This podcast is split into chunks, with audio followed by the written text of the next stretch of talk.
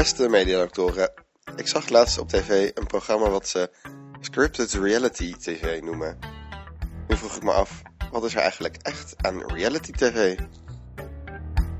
Vanuit Amsterdam is dit Onder Media Doctoren, de podcast waarin communicatiewetenschappers zich verwonderen over de media. Dames en heren, welkom bij de alweer tiende aflevering van Onder Media Doctoren.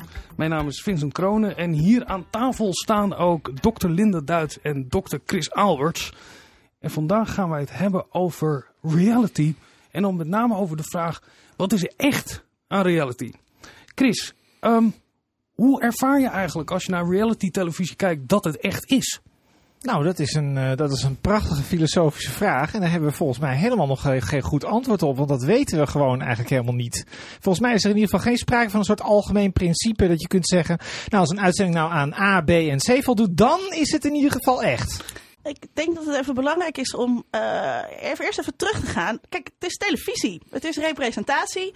Bij definitie is dat niet echt. Tuurlijk is het niet echt. Ik bedoel, het is, kijk, ik bedoel, bij alle programma's die we te zien krijgen, um, die in het reality genre vallen, is er een enorme hoeveelheid materiaal wordt gedraaid op een hele goedkope manier. En daar wordt sowieso uitgeknipt. Ze zijn in ieder geval in een setting gezet die zich niet natuurlijk voordoet. In een huis met allemaal camera's erin. En dat is, dat is wel, wel essentieel dat we ook even naar Big Brother gaan. Reality televisie is groot geworden met Big Brother. En dat is eigenlijk reality in de meest basale vorm, kan je zeggen. En wat was nou zo leuk aan reality uh, en aan Big Brother is de hele tijd nadenken, precies over dit. Wat is echt, wat is nep? Zijn deze mensen acteur? Zijn deze mensen niet acteur? Dat spelletje, is het echt of niet? En die vraag die constant door je heen gaat, dat is ook de grote aantrekkingskracht van reality. Ja, dat vond ik ook bijzonder aan Big Brother, dat het niet helder was hoe je moest winnen. En gedurende het eerste seizoen ontstond er iets dat degene die zich niet gek liet maken, die het meest authentiek was. Zichzelf was. Zichzelf was. Dat zou degene zijn die het meest echt zou zijn.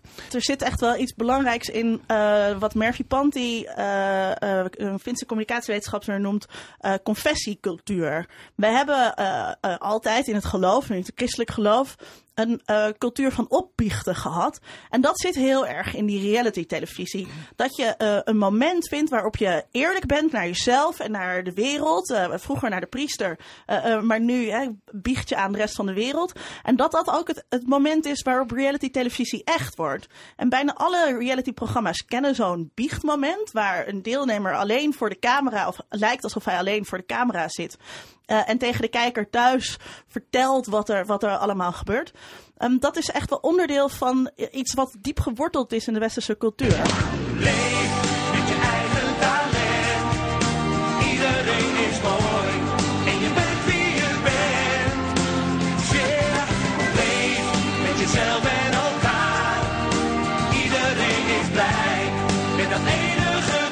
Linda, jij zei al, je hebt een gesprek gevoerd. Uh, met wie heb je gesproken? Ik heb gesproken met Lieke van Wijk en uh, zij heeft zowel productie als redactie gedaan voor het programma Gastarbeiders.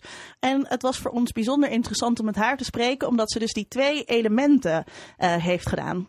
Gastarbeiders is een banenruilprogramma. Uh, het is eigenlijk te vergelijken met een soort puberaal XXL maar dan voor banen.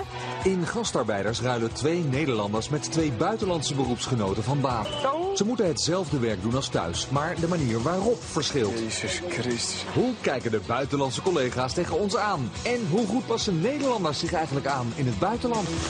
Je koopt eigenlijk het hele idee en het format. Dus het hele banenruilconcept met eigenlijk een soort hele episode breakdown ligt er al voor je klaar het script was iets wat niet vastlag in het uh, format. Uh, als je al die cast en gesprekken hebt gehad en je weet alles wat er in het buitenland gaat, kan en mogelijk is en je weet alles wat er in Nederland mogelijk is, pas dan kan je dat script gaan uitwerken. Aan de hand van dat script ga je die aflevering maken. Maar het wil niet zo zeggen dat dat script echt helemaal vast staat. Er kan ook gewoon geïmproviseerd worden. Eigenlijk het verhaal wat zich afspeelt is dat de onwetende buitenlanders naar elkaars land worden gestuurd en eigenlijk voor een complete nou ja, cultuurshock slash verrassing komen te staan. En zo inventief moeten zijn om uiteindelijk weer tot een hele harmonieuze en gelukkige samenwerking te komen. Castingcriteria komen niet mee vanuit het buitenland. Ehm, en in die castingcriteria staat eigenlijk aan wat voor eisen de kandidaten moeten voldoen. In het geval van uh, de Nederlandse uh, variant van gastarbeiders moeten, moesten bijvoorbeeld de Nederlanders moesten echt stereotype Nederlanders zijn. Of ook stereotype eigenlijk binnen hun beroepsgroep.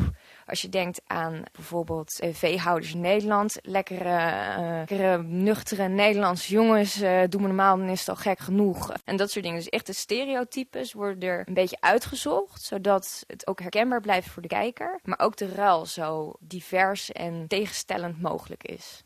Nee, ik denk niet dat de kandidaten doorzien dat er uh, op die manier naar een disruptie gestuurd wordt. Ik denk dat ze dat ook niet doorhebben, omdat die verrassing al zo compleet is voor hun dat ze in één keer in dat andere land staan. Dat ze dat denk ik niet doorhebben. Ja, als je op zoek gaat naar personages, zoek je echt mensen die ook die cultuurshock gaan krijgen. En dat is heel veel gut feeling wat daarbij komt kijken. Tuurlijk, je kan ze vragen stellen als waar ben je allemaal geweest in de wereld. En je zoekt dan een beetje de typetjes uit die niet verder zijn geweest dan Frankrijk in Duitsland. Zodat die shock echt compleet is. Maar je kan ook wel een beetje aan je water aanvoelen of zo iemand heel naïef of hoe zo iemand zou reageren in zo'n situatie. De vragen die bij uh, castingsgesprek gesteld worden zijn uh, vooral, om te, ja, vooral vragen als, uh, nou goh, waar ben je allemaal geweest en hoe voer jij je werk uit? Wat vind je belangrijk in je werk? Om echt te kijken of de kwaliteiten die zij hebben heel erg zouden botsen eigenlijk met de cultuur die daar is. En als je dat allemaal op een rijtje hebt, ja, dan kan je je cultuurshock natuurlijk heel mooi uitmeten. Kandidaten hebben erg weinig te zeggen, maar je hebt wel met mensen te maken die toch hun eigen uh, wil en hun eigen dingetje hebben. En soms leidt dat juist ook weer tot hele mooie dingen. Dus ik denk dat je heel erg afhankelijk bent van elkaar. Ik denk dat wij voor een groot deel bepalen, maar ook juist die kleine karaktereigenschapjes die zo'n kandidaat juist heeft, ook weer in ons voordeel kan werken ik denk vooral dat die authenticiteit ook zit in het, in het feit hoezeer personages ja, eigenlijk karikaturen zijn van zichzelf. Want we zoeken wel echt types uit die ook gewoon echt zou zijn van zichzelf, maar dus ook een prima typje zou zijn voor de televisie. En dat combineert een hele mooie uh, samenwerking tussen juist, oké, wat is nou echt, wat is gespeeld wij proberen ze achter de camera wel zoveel mogelijk uh, dingen te laten zeggen die wij willen dat ze zeggen. Maar in principe moeten de kandidaten niet het gevoel krijgen dat ze gescript worden. Want alhoewel dat misschien in sommige gevallen zo, zo kan zijn, moet dat voor de kandidaten niet dat gevoel krijgen. Wat wordt door productie gestuurd en, en wat niet. En dat is een hele vage, vage scheidslijn. Er valt niet echt te zeggen, oké, maar dat is echt en dat is nep. Dit is iets wat continu door elkaar heen loopt bij reality televisie.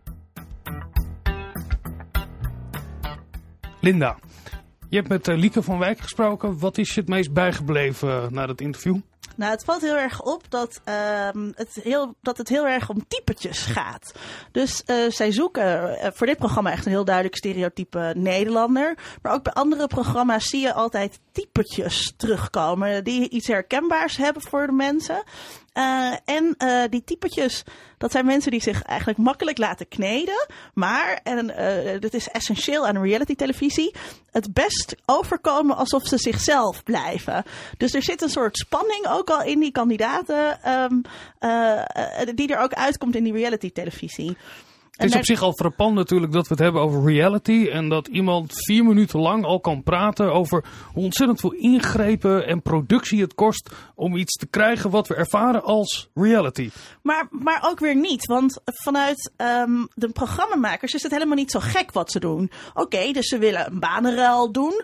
Nou ja, uh, wat is er interessant aan een banenruil? Nou, dat iemand in een ander land komt en dat dat heel gek is. Ik bedoel, het is ook een heel logisch script voor zo'n programma. En het is dus ook logisch dat je dat elke keer ziet. Het gekke is eigenlijk dat die kandidaten dat niet doorzien. Uh, dat die niet doorhebben dat ze daarop gescreend maar... worden. En uiteindelijk worden ze daar natuurlijk op gescreend. Maar dat is natuurlijk wel leuk. Maar ik bedoel, je zou natuurlijk ook kunnen zeggen: van zijn die programmamakers niet als ik naïef en neemt, neemt de uh, deelnemer niet ook gewoon een loopje met de makers? Want ik bedoel, ik weet natuurlijk ook dat als ik in een programma wil optreden, dan moet ik ook op een bepaalde manier uh, me opstellen. En is gewoon de kans groot dat ik word uitgezonden. Dus om even het vergelijking met Idols te maken. Als ik echt zeker wil eh, weten dat ik op tv kom, dan moet ik gewoon heel erg vals zingen, me ontzettend aanstellen. Nou, dan weet ik vrij zeker dat ik in die audities wel ergens een keer word uitgezonden. Dus, en dat geldt voor dit natuurlijk ook. Ik bedoel, wij, doen wel alsof wij weten wat die mensen hun intenties zijn, maar dat weten we helemaal niet. En dat is die mensen ook niet gevraagd. Heb jij het idee, Linda, dat uh, wat Chris aangeeft dat die. Uh, want jij zegt eigenlijk dat die mensen naïef zijn. En Chris zegt, ja nee, deze kandidaten zijn eigenlijk hele professionele kandidaten. Die weten precies wat er van hun verwacht wordt. Nee, ik zei niet dat die mensen uh, naïef zijn. Ik zei, wat dat betreft ben ik het dan met Chris eens. Je moet je op een bepaalde manier gedragen als je op televisie wil komen. Maar je kunt daar ook niet te media savvy in zijn. Want dan willen ze je echt niet hebben. Dus op het moment dat jij daar heel duidelijk gek staat te doen bij Idols ja, dan, dan word je ook niet gekozen. Dus het gaat er echt wel om dat, dit, dat, het, dat het mensen zijn die aan het profiel voldoen. En daar hoort een zekere mate van naïviteit bij. Maar ook juist die mate van kneedbaarheid. En die zit toch in de bereidheid van mensen om iets nog even een keertje over te doen. Of om iets nog even op een andere manier te zeggen. Mensen die dat goed kunnen, doen het goed op realityprogramma's. In de documentaire literatuur wordt er heel veel gezegd over participanten. En hoe je daarmee om moet gaan. En ik hoor Lieke zeggen van, nee, onze kandidaten, die dan ook kandidaten, die hebben eigenlijk helemaal niets in te brengen. Chris, vind jij dat bezwaarlijk? Nou, uh, is dat bezwaarlijk? Nee. Ik bedoel, die mensen doen mee aan iets. En het is voor hun waarschijnlijk een soort, uh, een soort avontuur, denk ik. Nou ja, en ik bedoel, en het is ook een avontuur wat zich ontrolt. En zij, ik bedoel, ze, ze, ze ja, ze geven toestemming om mee te doen aan het script. Zou maar zeggen, dat is wat ze doen. Dus is dat raar dat zij daar weinig, weinig in te zeggen hebben? Nee. Kijk, het probleem, er zit natuurlijk, maar het zit natuurlijk aan twee kanten macht. Kijk, ik bedoel, je moet kneedbaar zijn en goed overkomen en jezelf zijn om, zou maar zeggen, in het programma terecht te komen. Maar als je eenmaal in het programma zit, ja, dan heb je toch. Dan lijkt het mij dat je in ieder geval als kandidaat veel meer macht hebt. Om de doodsimpele reden dat ze dat niet nog een keer opnieuw willen, willen schieten met een ander persoon. Er moet gewoon een aflevering uit jou komen. Lieke gaf ook aan dat er een soort uh, productiehandboek is. Een soort, soort productiebijbel heet dat dan. Uh, daarin staan eigenlijk een bepaald soort types beschreven, zoals je al aangaf. Zijn er dan ook bepaalde mensen die we helemaal nooit terugzien in reality uh, televisie? Um, ja, de gewone mens. Dus het idee is dat reality televisie over gewone mensen gaat, maar dat is dus helemaal niet zo. Het zijn mensen die typetjes zijn, die, het, die herkenbaar zijn op televisie en die het daar uh, uh, lekker doen. Dus op het moment dat jij daar niet goed in past, ja, nee, dan, dan kom je niet op tv. Nou ja, het gaat wel een stapje verder. Het gaat niet alleen maar om uh, typetjes, maar het gaat ook nog om een bepaald soort typetjes. Want je hebt bijvoorbeeld ook het type saaie buurvrouw. Nou, die zit heel vaak niet in dit soort, uh, in dit soort formats. Uh, de intellectueel. Maar ik weet niet of die in dit soort formats langskomt. Waarschijnlijk alleen maar als tot enorme conflicten leidt of zo. Dan misschien wel. Maar ik bedoel, dus het is ook weer een hele erg specifieke selectie van mensen die um, ja, een bepaald soort type kunnen zijn waarvan ze dan denken van oh, dat past dan wel weer in zo'n programma. Je ziet heel erg dat um, de situatie zo wordt opgezet dat er emoties bij gaan komen. Want dat is waar de makers naar op zoek zijn. Die willen emoties zien. Dus die kiezen bepaalde types uit die die emoties oproepen. Uh, um, en uh, bij gastarbeiders gaat het om uh, die cultuurclash. Maar bij heel veel andere programma's gaat het ook over conflict in de groep. en dan zie je dus dat uiterste heel erg meedoen. En Chris zegt intellectueel. Intellectueel zie je natuurlijk wel bijvoorbeeld terug uh, bij een programma als Beauty and the Nerd. Maar dat mogen dan alleen maar bepaalde nee, intellectuele nou ja, zijn. Precies, maar dat is dan weer een bepaald typetje in een bepaald soort programma. Maar ik bedoel in All You Need Is Love. Ik geloof nou niet dat je daar nou heel vaak... Um, nou ja, laten we zeggen iemand die een postdoc doet en heel erg zweet onder een tenure track. Dat je daar nou een verhaal over hoort. En die had dan in Brazilië op zo, met zijn hoorsalaris tijdens een, tijdens een conferentie. Waar hij één keer op conferentie mocht een heel leuk meisje ontmoet. Maar kunnen we dat verklaren die, vanuit... Dat zie je toch niet? Ja, maar is dat een dramaturgische uh, ingreep? Dat we dat aantrekkelijke mensen zijn om te laten zien? Of is het ook omdat dat het publiek is van RTL die zich daarmee moeten vereenzelvigen of SBS? Um, we hebben het over wat er echt is aan reality televisie. En wat essentieel is voor de makers, is dat het vooral herkenbaar is. Dus de mensen die je op televisie ziet, moeten herkenbaar zijn. Die postdoc waar jij het over hebt, nee, is, is gewoon niet herkenbaar, herkenbaar, Want ik ken niemand een po postdoc. Niemand weet wat het is. Dus het zijn vaak uh, witte mensen uit middelgrote gemeentes die nee, uh, middelmanagementbalen nee, nee, doen. Nee, dat is nou juist het probleem. Het zijn helemaal niet die gemiddelde mensen. Het zijn mensen in uiterste. Dus je ziet mensen die echt heel erg een typetje zijn of die juist heel erg freaky, geen typetje zijn. Het tegenovergestelde daarvan, die zie je. En alles wat daartussenin zit, die zie je niet. Maar is er geen spanning dan tussen aan de ene kant herkenbaar zijn en aan de andere kant een typetje zijn? Chris? Je kunt, van iedereen kun je een typetje maken. Dus je kunt voor elke persoon op deze wereld kun je een hokje maken. En zeggen van nou, dat zijn ongeveer de eigenschappen waar die persoon invalt.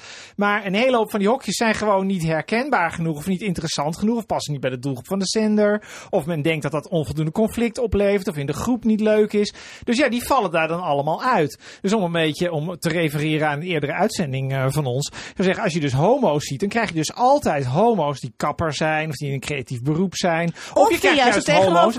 Precies. Of je krijgt juist een homo die in het leger zit. Maar je krijgt nooit een homo die bijvoorbeeld, nou ja, doe eens postdoc iets, is. Ja, postdoc is. Of iets heel, of een, een, soort kantoorbaan heeft of zo. Dat is dan niet, want dat is dan niet interessant. Um, of, Lieke zei, het gaat om mensen die echt zo zijn van zichzelf. Hè, daar zit die, die spanning die jij noemt, die zit daarin. Mensen die uh, lekker authentiek kneedbaar zijn. Ook over dit onderwerp is natuurlijk veel nagedacht in de wetenschappen. En we gaan luisteren naar Chris die dat allemaal voor ons heeft uitgezocht.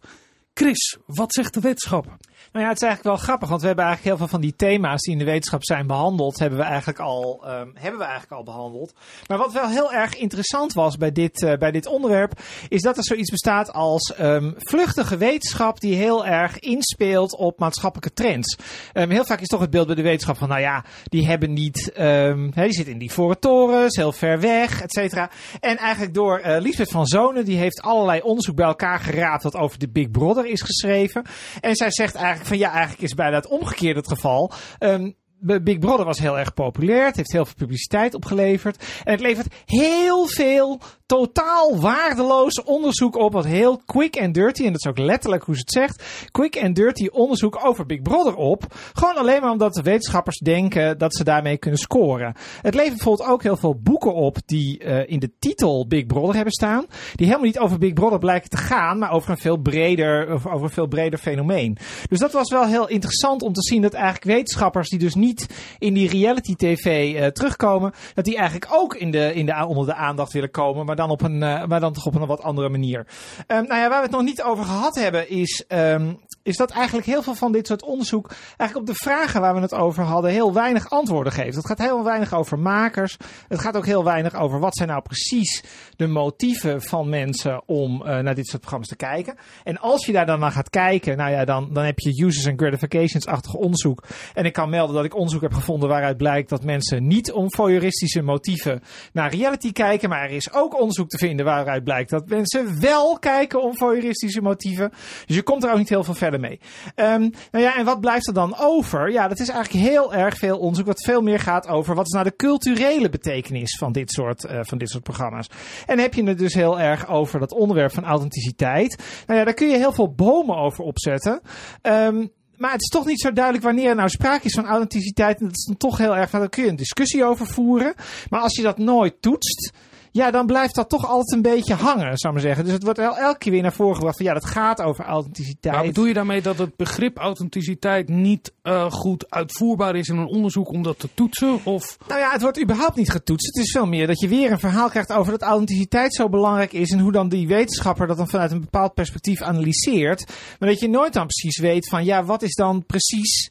Ja, wanneer is iets dan authentiek? Want dat is eigenlijk de vraag waar we het vandaag over hadden. En dat is nou precies waar die wetenschap eigenlijk ook geen antwoord op, op, geeft. Linda, wat uh, hoor jij, uh, wat Chris allemaal vertelt over de wetenschap? Ik hoor iets dat het heel erg modisch is en dat het slecht is, vooral wat daarover is gepubliceerd. Ja, ik ben het wel een beetje met Chris daarin eens. Het is heel lastig om, uh, als je in dit onderzoek je weg probeert te vinden, omdat er weer zo'n journalist belt met een vraag waarom kijken mensen naar reality televisie, om daar een mooi eenduidig antwoord op te geven. Wat erbij ook is, is dat in dit vakgebied er nauwelijks naar elkaar verwezen wordt. Of er, het is allemaal zo modisch, dus er wordt ook niet echt gebouwd aan een corpus van kennis wat steeds verder gaat. Het is heel haphazard vanuit verschillende disciplines die eigenlijk niet naar elkaar verwijzen. En er zitten een paar, want je zegt van het wordt een beetje uh, getheoretiseerd dat is wel belangrijk, maar de mensen die dat getheoretiseerd doen, zijn vaak geen filosofen. Uh, en dat levert dan ook weer problemen op. Want um, reality is wel degelijk een teken uh, uh, van onze hoogmoderne tijd. Ik bedoel, daar zit echt wel iets in. En kwam een stukje tegen van, van Zizek. De bekende filosoof. Ehm, en hij uh, maakt een mooie analyse dat dankzij het kapitalisme het echte leven heel erg op een show is gaan lijken. Wij richten onze levens in als spektakels. En dat zie je ook weer terug in die reality televisieprogramma's. En omdat in het echte leven authenticiteit zo'n belangrijke waarde is. En waar mensen daar ook op de hele tijd op beoordelen. Wordt het heel lastig om dat dan te transformeren naar, naar die semi-fictionele setting. Omdat het echte leven dus al zo op fictie lijkt. Dus op op die manier kan je, onze, kan je de begrippen ook niet goed afbakenen. De vraag waar wij uh, vandaag ons over hebben gebogen was: wat is er echt aan reality? Um, eigenlijk passen we daarmee in een soort traditie van onderzoek, uh, Chris. Uh, ja. Over authenticiteit. Als je toch een poging zou moeten wagen om die vraag te beantwoorden. Um, reality is niet echt. Dat is, uh, dat is het eerste punt. Er zitten heel veel beslissingen in. Um, die eigenlijk heel veel geweld aandoen aan uh, de werkelijkheid. En het, maar het doel van het programma is wel dat mensen denken dat ze naar de werkelijkheid aan het kijken zijn. Linda, heb jij een antwoord op de vraag? Um, ik uh, sluit me graag aan bij Chris. Dat is ook wel eens interessant. Uh, en ik denk dat niet het doel van het programma is mensen te laten denken wat echt is of niet. Het doel van het programma is mensen uh, daarover na te laten denken. Dus het gaat echt om dat spelletje. Zit ik hier te kijken naar iemand die acteert? Zijn die mensen uit Jersey Shore echt zo? Of is dat gescript? Of spelen zij een typetje? En het is ook helemaal niet leuk om daar een antwoord op te krijgen. Dat is heel vervelend. Je wil juist dat spel continu met jezelf blijven spelen en daar ook op die manier uh, over blijven praten. En uiteindelijk, um, ja, wat ik aan het begin ook al zei, het is televisie, het is helemaal niet echt. Het is toch nog een zoekend naar wat het antwoord is op deze vraag. Maar het is wel alweer uh, de tiende aflevering van Ondermedia Doktoren. Kijk op ondermediadoktoren.nl. Laat een vraag achter als u wilt dat wij die vraag gaan beantwoorden. En tot een volgende keer. Onder Mediadoktoren is een podcast van Chris Alberts, Vincent Kronen en Linda Duits. Meer informatie vindt u op ondermediadoktoren.nl.